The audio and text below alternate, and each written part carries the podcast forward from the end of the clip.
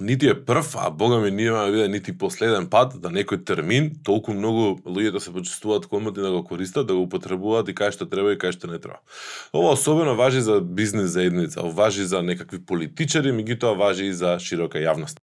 Последниве години покрај тоа што е екстремно многу нели е важна и се зборува и се и се спомнува, некако се чини дека претерано многу лесно, особено луѓето од бизнес заедницата почнаа да се расфрлаат со терминот дигитална трансформација. Не дека не треба да се употребува, не дека не треба не треба да нели да знаат што значи и нормално да ја применуваат, меѓутоа имам чувство дека оние кафански муабети претерано многу често онака ноншалантно само кога ќе помислат дека технологија некаде треба да реши некој проблем и одма тоа за да звучи поинтересно и пофенси менси шменси, се вика дигитална трансформација. Мојата предпоставка е дека ова е така затоа што конечно широката јавност и бизнис и нели корисници всушност станаа одомаќинети, односно се навикнаа толку многу да употребуваат технологија, интернет, дигитална комуникација, да дигитална трансформација е толку нака лесно да ја примениш и да ја зборуваш и да звучиш нешто нешто многу паметно. Но И покрај тоа што може би е тренд, може би глобално веќе за, замирува, односно изумира у толку честата употреба на дигитална трансформација. Може би глобално ние сега почнуваме да зборуваме за Web 3.0, за NFT и за некои други работи. Сепак сметам дека од бизнес гледна точка и од гледна точка на стратегија, развој, комуникација и особено и маркетинг, екстремно многу важно е себе да сериозно и темелно да се пристапи на оваа тема. Темата секако е дигитална трансформација. И како што веќе реков во најавата, најавата која што ја пуштивме пред некој ден. Започнуваме со Комкаст, нова сезона, нови епизоди, десетина, во кој што ќе зборуваме за дигитална трансформација. И ве јас веќе снимив неколку епизоди, да бидам искрен. Луѓе разгов- снимив епизоди кои што разговаравме со неколку луѓе кои што допре еден многу интересен сегмент на а, дигитална трансформација. Но не можев да започнам директно со муавет. Морав да започнам со дефиниции. Мораме да ја отвориме темата, да ја поставиме нели рамката за да можеме после тоа едно по едно да ги дискутираме работите.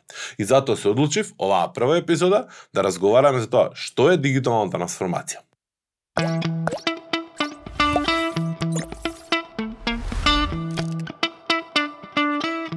Овој сериал на Комкас, посветен комплетно на дигитална трансформација, е реализиран во партнерство со А1 Македонија, компанијата која што ја има најбрзата мобилна мрежа според мерењата на АЕК на цела територија на државата. Дефиниција има милион. А, нема немам намера да читам претерано многу од нив. Ки читам две, едната е да речеме некаква школска, стандардна која што е сеопфатна и која што би требало да функционира и важи од сега или од пред 5 години, 10 години па до до крај. Меѓутоа другата е онаа која што да речеме малце повеќе има апдейт, односно вклучува некакви промени во тоа како на почетокот се гледа на дигитална трансформација, а како до пред година 2-3 може би се гледа на дигитална трансформација. А да, да не заборавам. А, темата стана екстремно многу актуелна затоа што во периодот кога сме кога влеговме во пандемија, всушност сите останавме дома, почнавме многу повеќе да користиме онлайн нарачки, дигитални алатки за комуникација, за состаноци, за работа и одеднаш сите се трансформиравме, односно мислиме дека дигитално се трансформиравме. Ајде да ги видиме дефинициите прво. Едноставно кажано, дигитална трансформација представува процес на зголемена употреба на дигитални алатки и технологии од страна на една организација или компанија. Се со цел да се изврши некоја конкретна промена на внатрешните или надворешни процеси на функции на истата. И покрај тоа што нели фокусот е на технологија или алатки тука, дигитални алатки, сепак јас фокусот би го ставил на процес и на промена. И ќе дискутирам многу почесто во оваа епизода, а и во следните епизоди, дека технологијата не е таа која што е клучна. Затоа е необходна, може би е главен придвижувач на таа на на целата оваа трансформација, меѓутоа процесот и промената е она на која што треба да се фокусираме. Со тек на време, околу дигитална трансформација се закачија, се прикачија уште серија други такви баз зборови, односно тренди, трендовски зборови, како што се агилни методи на, на, на менеджирање, односно агилни компании и така натаму, меѓутоа многу тесно до дигитална трансформација се припои и терминот иновација.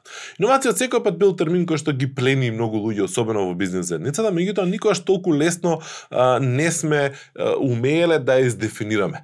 Сите компании се нарекуваат себе иновативни по XY основи, меѓутоа многу ретко која во својата ДНА, во својот код го има, нели, втемелено принципот на иновирање, принципот на истражување. Е сега, затоа што овие два термина се многу често тесно поврзуваат, се поврзуваат тесно со дигитална трансформација, ќе кажам уште една дефиниција која што е на Профет, односно Altimeter груп и која што е всушност ревидирање на прволичната дефиниција, откако веќе сме влезени во некоја втора, трета, четврта фаза на дигитализација глобално сега зборувам. Дигитална трансформација представува континуирана потрага по иновативни и агилни бизнис и оперативни модели кои се придвижени благодарение на технологија, унапредени процеси, аналитики и развој на кадар, многу битна работа, се со цел креирање на нови вредности и искуства за потрошувачите, вработените и за сите засегнати страни на една организација или компанија.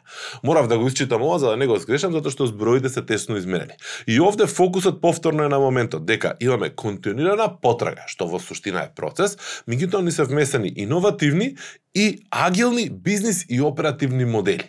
И тука е клучов момент. Всушност, ние го трансформираме бизнисот. Со дигитална трансформација не воведуваме технологија сама по себе, туку го трансформираме бизнис моделот. Бројни примери околу нас имаме во ситуација во кој што компании, благодарение на тоа, односно благодарение на тоа што не се адаптирале и не ги адаптирале своите бизнис модели, своето однесување кон потрошувачите, исчезнале, ги нема. И, нели, оние стандардни слайдови кои што кога се зборува за дигитална трансформација кој што ги збруваме. Fortune 500, односно топ 500 компаниите според магазинот Fortune во 70-тите години имале толку и толку нови компании. За толку и толку години половина од нив исчезнале. И да, таа тој период во кој се менуваат топ 500 компаниите, исчезнуваат од листата на, на Forbes најбогатите компании, всушност станува се пократок и пократок. И за очекување дека во следните години пола од тие што сега се на листата ќе ги нема. Буквално заради заради моментот на адаптација, заради моментот на трансформација која што треба да им овозможи на бизнисите да се адаптираат на ново настанатите ситуации, своите бизнис модели да ги прилагодат на новите потреби, новите очекувања од она што го бара пазарот. Затоа и оваа дефиниција ги зима овие работи предвид и она што е дополнително интересно, ми се допаѓа што вели унапредување на процесите, ја воведуваме во дефиницијата аналитиката, ќе зборуваме за нејзе како еден од битен кадар и клучниот момент, барем според мене, тоа е кадарот. Значи во оваа дефиниција за дигитална трансформација не е обходно ние да дискутираме за луѓето. И сега ако трнеме да ги видиме кои се петте основни елементи, затоа што веќе ги спомнав на дигитална трансформација, односно кои барем според книги, според теории, според искуства или оние богати големи консултантски куќи, ги наведуваат основните елементи елементи потребни за дигитална трансформација. Значи не може да очекуваме една компанија да помине низ процес на дигитална трансформација ако не ги исполнува и не ги земе предвид овие пет елементи. Веќе спомнав, број 1 луѓе. И тука не зборуваме само за луѓе вработени во компанијата, туку зборуваме за луѓе кои што се корисници, купувачи, кои што се клиенти и нормално секако зборуваме за луѓе кои што се вработени во самата компанија. Значи, вистинската промена не ја носи технологијата. Технологијата е само алатка, начин како всушност може да се реализира промената. Промената ја прават луѓето, промената ја прават процесите, оптимизација на овие процеси. За да ги оптимизираме процесите, вториот основен елемент ни се податоци. Е, сега тука стигаме до моментот диджитал, односно дигитална а, комуникација и дигитална дигитален бизнес, затоа што во дигиталната сфера имаме екстремно многу податоци. Секоја една трансакција, секој еден а, контакт, секој еден допир, а, на корисникот со нашиот сервис, со нашата алатка, со нашата содржина, всушност остава некаква дигитална трага. И умешноста е да ги собереме овие податоци. Меѓутоа да не забегаме во непотребно само трупање на податоци. Ке имаме посебни епизоди за тоа, ќе зборуваме и за big data, ќе зборуваме и за аналитика и за како се употребуваат и како не треба да се употребуваат податоците. И покрај на мантрата дека собире се што можеш, собире се што можеш, ама тука го имаме сега и GDPR и други нели одредби кои што малце од малце дотера ред во тој во тој процесот. Податоците се вториот основен елемент, за да можеме да имаме процес на дигитална трансформација. Третиот основен елемент е аналитика. И сега веќе спомнав. Значи податоците ќе ги собереме, меѓутоа некој треба да им даде значење на тие податоци. Ако користите Facebook, ако ги гледате таму податоците, не се вика аналитика, туку се вика insights. Во англискиот јазик многу често кога одредени податоци имаат некакво а, бизнис значење, имаат некакво друго логично значење освен тоа дека се наредени бројки, всушност го добиваат твоето име, а, го добиваат името на insights. Така да, Третиот основен дел, ајде да повторам што еднаш, ние аналитика, односно процес кој што вика дека мора да имаме воспоставен систем, рамка или некаков тип на методологија методологија која што ќе ни ги претвори бројките во употребливи бизнис информации. А, значи не само дека ќе имаме наредени бројки, туку дека ќе можеме со тие бројки всушност да донесеме реални бизнис одлуки. Каде треба да направиме промени, каде треба да се адаптираме, што функционира, што не функционира. Бројките како бројки не значат ништо друго освен кецови и нули. Четвртиот елемент, кој што може би е вака нај, да речеме, општ, најочигледен, иако и другиве не се нешто вау, дека е се јас си открив нели Америка, меѓутоа да четвртиот елемент ни е акција, односно преземање на реални активности. Ние можеме да зборуваме за дигитална трансформација од сабајле до вечер. Може да дискутираме колку сакаме да го направиме тоа, може да дискутираме колку нашата компанија е посветена на дигитална трансформација, на културата, на едно на друго, меѓутоа ако не преземеме конкретни чекори и конкретни активности во повеќе различни сектори. А ќе зборуваме понатаму и во другите епизоди и за а, а, корисничкото искуство, и за грижата за корисници, и за а, комуникација внатрешна, и за развој на кадар и така натаму. Значи, ако не преземеме конкретни акции, конкретни активности кои што би требало да бидат поставени на некаква временска рамка, тогаш ништо од нашата дигитална трансформација. И последниот елемент А, иако технички не е баш последен, затоа што може да се види да се анализира и како прв, е всушност резултати. Анализа на резултатите. А, во дигиталниот свет ние цело време зборуваме дека се е во рамки на во циклуси, значи не завршува еден процес. Цело време кога ние ќе ги видиме резултатите, всушност добиваме нови податоци, и аплицираме нова аналитика, правиме нови инсайт за да донесеме нови одлуки за да ги подобриме, да го подобриме работењето. И тука имаме јајците кокошката финта. Дали завршува со резултатите или почнува новиот циклус, новиот процес на подобрување, на оптимизација, на адаптација на она што го работиме. Така да, ништо не правиме без овие пет основни елементи. Да повторам уште еднаш. Имаме луѓе, податоци, аналитика, акција, односно активности и нормално резултати, односно мерење на резултатите.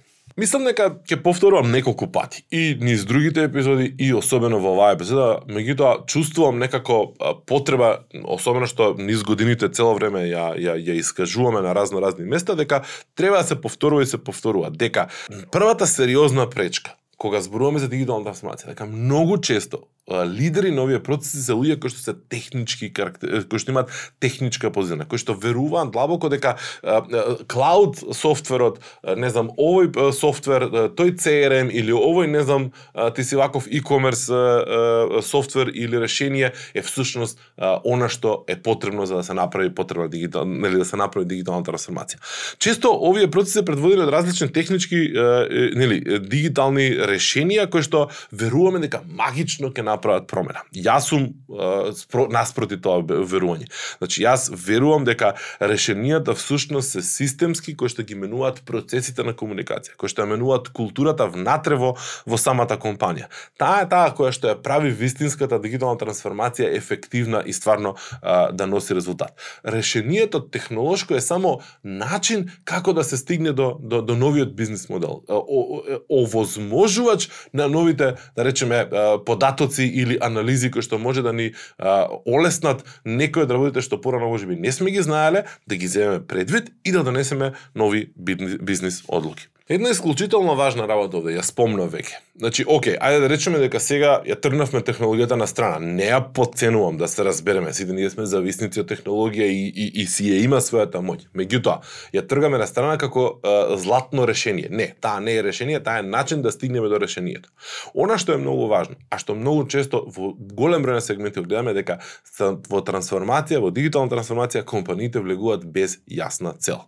Значи, ако немаме јасна цел, ако не знаеме точно на каде треба да се движиме, која е зацртаната, нели, ултимативна или а, крајна крајна цел. Тогаш а, сама заради себе дигитална трансформација нема да донесе резултат. Ако ние се дигитализираме, ако ние ги гледаме да ги промениме а, процесите или начините на производство и да понудиме различни услуги во самата компанија, без при тоа да знаеме јасно кон што целиме, тогаш ќе ќе се дигитално трансформираме, меѓутоа на крај нема да знаеме каде да фатиме и не е тоа гаранција дека нашиот бизнис ќе ќе успее. Затоа е многу важно да се приоритизира а, а, искуството на самиот корисник и искуството на вработените наспроти самото по себе нели како чеке сега ние ќе се фокусираме на дигитална трансформација се секе дигитализираме и одеднаш магично сите ние ќе бидеме различни. Отпор има секаде. Отпор е нормално да има кај луѓето во повеќе сегменти, особено кога се соочуваат со некакви промени. Дигиталната трансформација всушност значи промена и тоа сериозна, континуирана промена. Дигиталната трансформација всушност представува подготовка за нов начин на функционирање кој што подразбира континуирана промена. Една од причините зошто јас лично пред многу години одлучив дека ќе се занимавам со дигитални медиуми или нови медиуми, беше всушност и тој момент дека континуирано има новини, континуирано нешто се менува и мене ме држи онака како да бидам а, а, фокусиран, да се образувам дополнително, да читам, да следам, да ги анализирам навиките на корисниците и цело време да имам нови предизвици, нови и нови возбуди. Е, тоа сега се случува и за бизнис управувањето и за бизнис компаниите, односно за компаниите. Тоа значи дека начинот на кој што компаниите денеска треба да се научат да функционираат е начин кој што ќе им дозволи брзо и лесно да се адаптираат на промените. А сега во под влијание на дигиталниот развој и на дигиталните, да речеме, геджети, култура, комуникација и така натаму, промените се случуваат енормно брзо. Ако ние како компанија не се подготвиме за тие промени, не, не подготвиме екипа, терен, луѓе, мајндсет, значи став во главата дека треба брзо да се реагира, дека треба да се, нели, биде храбар во тоа, тогаш џабе сме ние употребиле еден куп а, а, а, книги и рамки и методологии за да станеме дигитално трансформирана компанија, ако всушност ние не сме промениле културата на самото однесување внатре. Значи да повториме, дигиталната трансформација подразбира промена на начинот на размислување од така наречениот business as usual во начинот на размислување кој што вика промената е константна. Ние треба да се соочиме со нејзи. И уште една многу битна работа. Значи целта на дигиталната трансформација не е сама по себе да бидете вие многу подигитални, односно не е да вашата компанија биде дигитална, да отвори нови канали на продажба, можеби на на, на e-commerce и така натаму. Целта е да генерира повеќе профит, да има повеќе раст целта е да не изумира. Целта не е да отвори само уште еден канал на продажба или грижа на корисници, туку да го унапреди своето работење и да се постави на патека која што ќе овозможи сериозен раст. Постојат многу повеќе, да речеме, различни поделби со гледувања на групирање на тоа во колку различни фази може да се наоѓа една компанија во процесот на дигитална трансформација. Значи од нулта, да речеме, до нека као фул и комплетно трансформирана компанија. И покрај тоа што постојат еден куп различни такви рамки, јас земав една која што ќе ви ја пренесам, таа има 6, подразбира 6 чекори. Може да има и 4, може да има и 7, не сите горе горе-доле се слични и исти. Важно е да а, нели ги посведочиме само чекорите, фазите а, и да размислите дали може би во моментов вие заработите или управувате со компанија која што е во некоја од овие фази. Односно во било кој случај ќе биде во некоја од овие фази, затоа што дури да не сте почнале да се трансформирате, но фазата број 1 не е статус кво фаза. Односно фазата во која што вашиот бизнес си функционира традиционално како што се функционирало пред 3, 4, 5, 10 години, како што го почнал ваш нашиот, не знам, татко, баба, дедо, кој да е. Не, не, не, не бираме. И тука нема никаква промена. Значи, тоа е прва почетна, да ја наречеме нулта фаза. Следната фаза е, е ситуација, фаза во која што имате неорганизирани обиди, значи спорадични, во кои што е, се обидувате да употребите некоја технологија, се обидувате некој процес да го скратите, се обидувате нешто да дигитализирате, ама тоа е затоа што гледате да си скратите време, ама тоа не е дека е на ниво на стратегија, не е на ниво на тоа чеке се ние ќе одиме во таа насока да размислиме како која е еднината на компанијата и како ќе обезбеди ова раст, туку едноставно технологијата ви е пред вас, па се адаптирате на незе, корисниците тоа го бараат и во еден во една ситуација сте сватели дека еден сектор од вашите вработени или еден вработен пронашол начин како полесно и побрзо да одговори на потребите на потрошувачите. И тоа така си тера, никому ништо си функционира, се е супер. Значи таа е некоја втора фаза во која што имате неорганизиран обид да нешто дигитализирате. Третата фаза или третиот чекор, да речеме, стадиум во кој што може да се наоѓа една компанија е стадиумот на организирани активности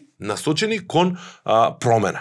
И сега, значи, тука почнуваме да бараме некаков тип на организирана група на луѓе, која што, чека сега, овој сектор вака ќе го направиме, ќе побараме ова, ќе направиме тоа, да отвориме продажба, можеби онлайн, да отвориме грижа за корисници, да ги интегрираме системите, да почнеме, почнуваме да размислуваме, меѓутоа повторно во некакви силоси, повторно во некакви изолирани сценарија, меѓутоа организирано почнуваме да спроведуваме некакви активности на дигитализација и оптимизација на одредени процеси. Четвртата фаза е кога овој овие промени, овие оптимизации, овие трансформации всушност доаѓаат како резултат на а, стратегиски пристап. Значи, веќе сме, да речеме, одлучиле дека ќе фатиме нов тек, дека мора нешто да промениме, дека мора да го преиспитаме можеби нашиот бизнес модел или нашите бизнес модели и веќе да формираме некаков тип на стратегија. Стратегија која што дефинира јасни чекори што треба да се преземат за да нели стигнеме до некаков прогрес, до некаква трансформација во кон комплетно, ако може такво нешто да се нарече, дигитално трансформирана компанија.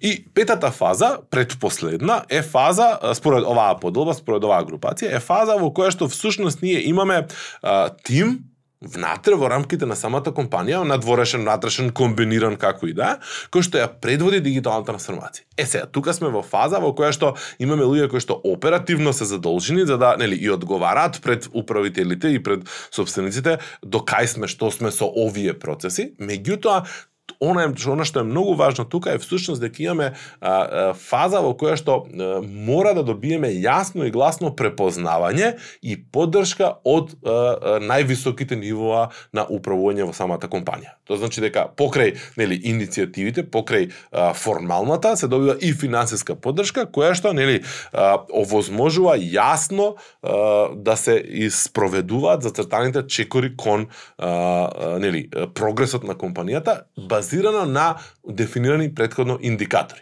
Значи сега веќе имаме индикатори на успех, индикатори на да речеме степени на дигитализација, може би тоа се по оддели, може би се тоа по процеси, може би се по задоволство на корисници, зависи како гледаме, меѓутоа самата компанија дефинира индикатори и сега веќе одиме по а, по тој по тој чекор. Последната фаза, ако може така да се нарече последна, затоа што е фаза која што да речеме а, не внесува во ситуацијата во која што ние може да кажеме е, сега имаме иновативна и агилна компанија.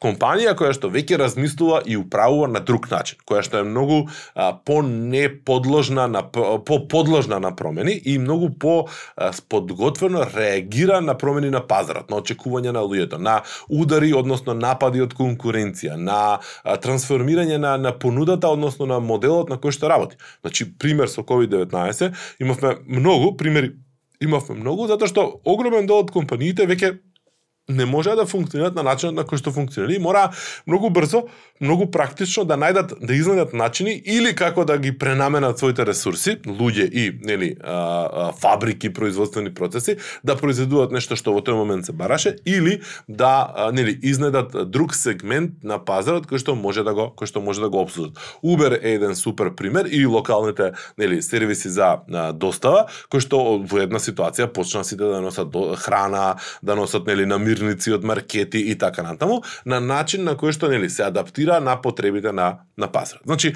последната шеста фаза ни е фаза кога имаме така наречена агилна или иновативна компанија. Иако јас реално тоа иновативна не се обидувам толку многу да го користам, зашто е толку некако лабав термин, да секоја компанија сама на себе си го препишува, а во суштина е, нели спорадично прават нешто што е што е различно, што е на вистина е, иновативно.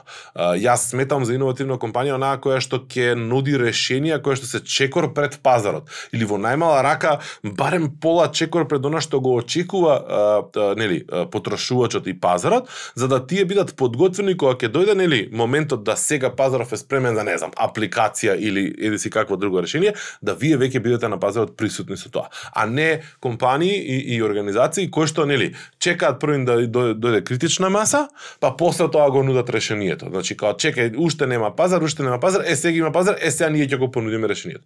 Тогаш не сметам дека барем според моите параметри, некакви скромни, тоа не станува збор за за иновативна компанија. Како да се сврти, постави и анализира дигитална трансформација? Секогаш на крајот се сврдува дека ние треба да да, да го свртиме система. Значи и покрај тоа што до сега сме биле а, а, она ком, фокусирани на компаниите. Компаниите се удирале во гради дека се најбитни.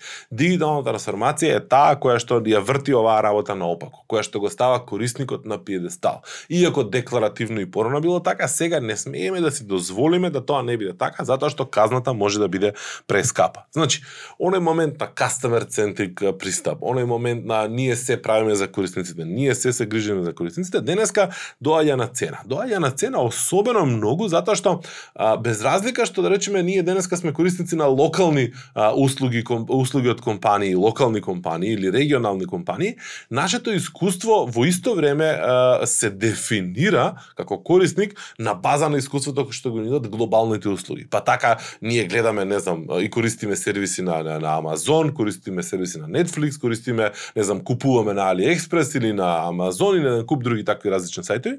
И врз основа на тие искуства, користиме апликации од разноразни други сервиси од цел свет, врз основа на тие искуства ние се обидуваме да, нели, ги дефинираме очекувањата, односно нашите очекувања веќе се дефинирани врз основа на тие добри искуства, што треба да добиеме и од локалните компании. И многу често нас не ни интересира дали има оправданост, нема оправданост, колку време им треба, колку е тешко, колку не е тешко. Значи, јас не споредувам една банка со друга банка, еден телеком со друг телеком. Јас споредувам корисничко искуство, а, а, а, локална компанија со искуството што ми го нуди некој некој глобален сервис. Ако тие не се на исто ниво, тогаш без разлика што ова е локална компанија и може би функционира во, во други услови, ја нема да размислувам за нези. Ќе одам ке барам некое решение на друго место. Така да, моментот на тоа дека декларативно само ќе кажеме да, да, корисникот ни на прво место, веќе паѓа во вода зашто на вистина сега корисникот има шанси тоа да го тоа да го тоа да го казни. Во некои сегменти ќе делува овој мовет како вртање во круг, затоа што тие се основните работи, тие се основните параметри. Она што доаѓа до израз во ситуација нели кај што треба да се влезе длабоко е моментот на адаптација на сите овие нели потреби, на сите тие процеси на конкретен пример. Примери ни сетот има многу. Значи имаме примери кај што пропаднале компании, тука нели најфамозните Kodak и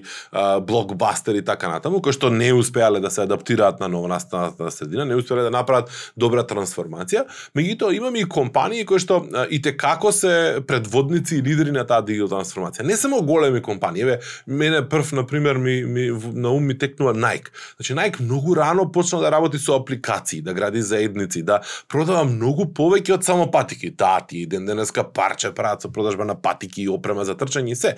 Меѓутоа тие на страна од самиот производ патика почна да нудат многу повеќе додадени вредности, додадени услуги кои што нели всушност се символ на таа адаптација и дигитална трансформација кој што како да кажам предходеа на, на, на пазар. Денеска се веќе втемелени во, во самиот пазар и никој не ги не ги не ги дискутира како леле иновација. Не, тоа беше пред 10-15 години. Уште едно прашање сметам дека јас барем чувствувам потреба да го да го одговорам, а тоа е прашањето зошто многу често, значи имате два табори условно речено на луѓе кои што се вклучуваат оперативно во разработка и спроведување на таа дигитална трансформација во компаниите. А, да, мала, сам, дисклеймер, ајде, ноут, како се вика тоа? Дали е мала или голема компанија, не прави разлика. Значи, суштината е иста, трансформацијата, подготвеноста е иста. Нормално, за очекување да биде многу полесна во помали компании, меѓутоа, затоа што, нели, природата на работата е таква, затоа што процеси, процесите внатре се, се такви. Меѓутоа, тоа не значи дека, нели, и една голема компанија не може успешно да се, успешно да се трансформира. Е, сега, се наметнува прашањето зошто многу често има два типа на луѓе, два луѓе кои што одат од два табори кои што се да речеме предводници на дигитална трансформација. Едното се едните се маркетери и тоа многу често луѓе кои што одат од полето на дигитален маркетинг, како јас на пример, и другите се луѓе кои што одат од нели техноло, со технолошка позиција, односно луѓе кои што се софтверџи и така натаму. За едниве веќе дискутиравме, јасно ни е зошто, пошто решенијата се технички решенија, па нормално мора да разбира што може, што не може, и ти требаат луѓе кои што работат и го разбираат тој дел. Меѓутоа, ние како дигитални маркетери континуирано се наоѓавме во спрегата поврзани помеѓу корисникот и а, а, помеѓу бизнисите. И бевме, да речеме, а, а, челници во таа трка да а, први се соочуваме со предизвиците кои што ги носи таа дигитална трансформација и таа употреба и таа употреба на дигитални а, на дигитални алатки. А, ги глед согледувавме потребите и бевме приморани да а, а, притискаме кон а, промена внатре во компаниите за да можеме ние соодветно да одговориме назад на дигитал на на луѓето. Денешниот дигитален маркетинг значително повеќе се фокусира на креирање на тоа, а, нели, корисничко искуство кое што ќе донесе директен ефект врз остварување на бизнис целите.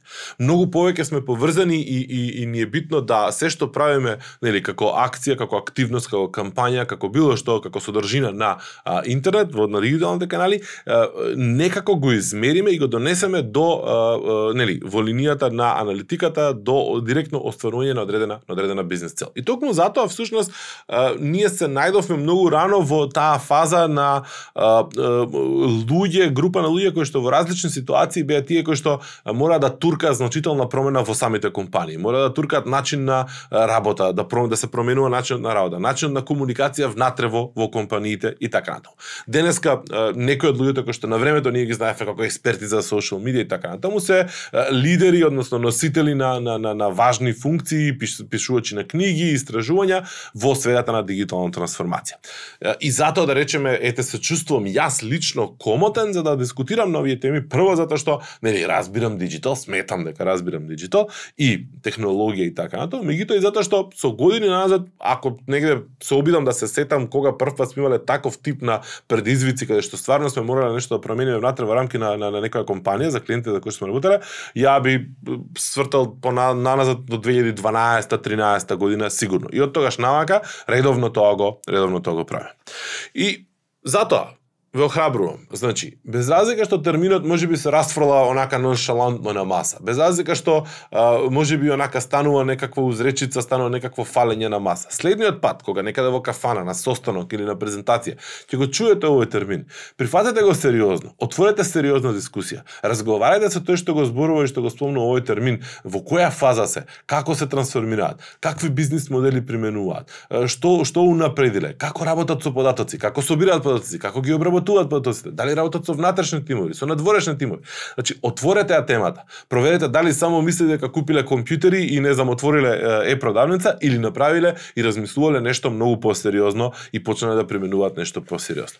Мене не ми останува ништо друго освен да ве охрабрам да ги да uh, ги напуштиме оној површен муабет и да навлеземе малце подлабоко. Идејата на оваа сезона на Комкаст е токму тоа. Да И имаме оваа воведна епизода и да дел по дел почнеме да ги да ги делкаме темите, односно да ги, да ги дискутираме со луѓе кои што се во оваа сфера. А, јас ве охрабрувам и понатаму, нели, да не следите на овој комкаст, да кликнете лайк, subscribe, та, да, на лайк, ако има лайк, пошто ако гледате на YouTube има лайк, нема дислайк, фала многу, YouTube, меѓутоа, пишете коментар, може би некое лично искуство и така натаму. А, докаде сте, што сте, кој е вашето искуство за дигитална трансформација и слично.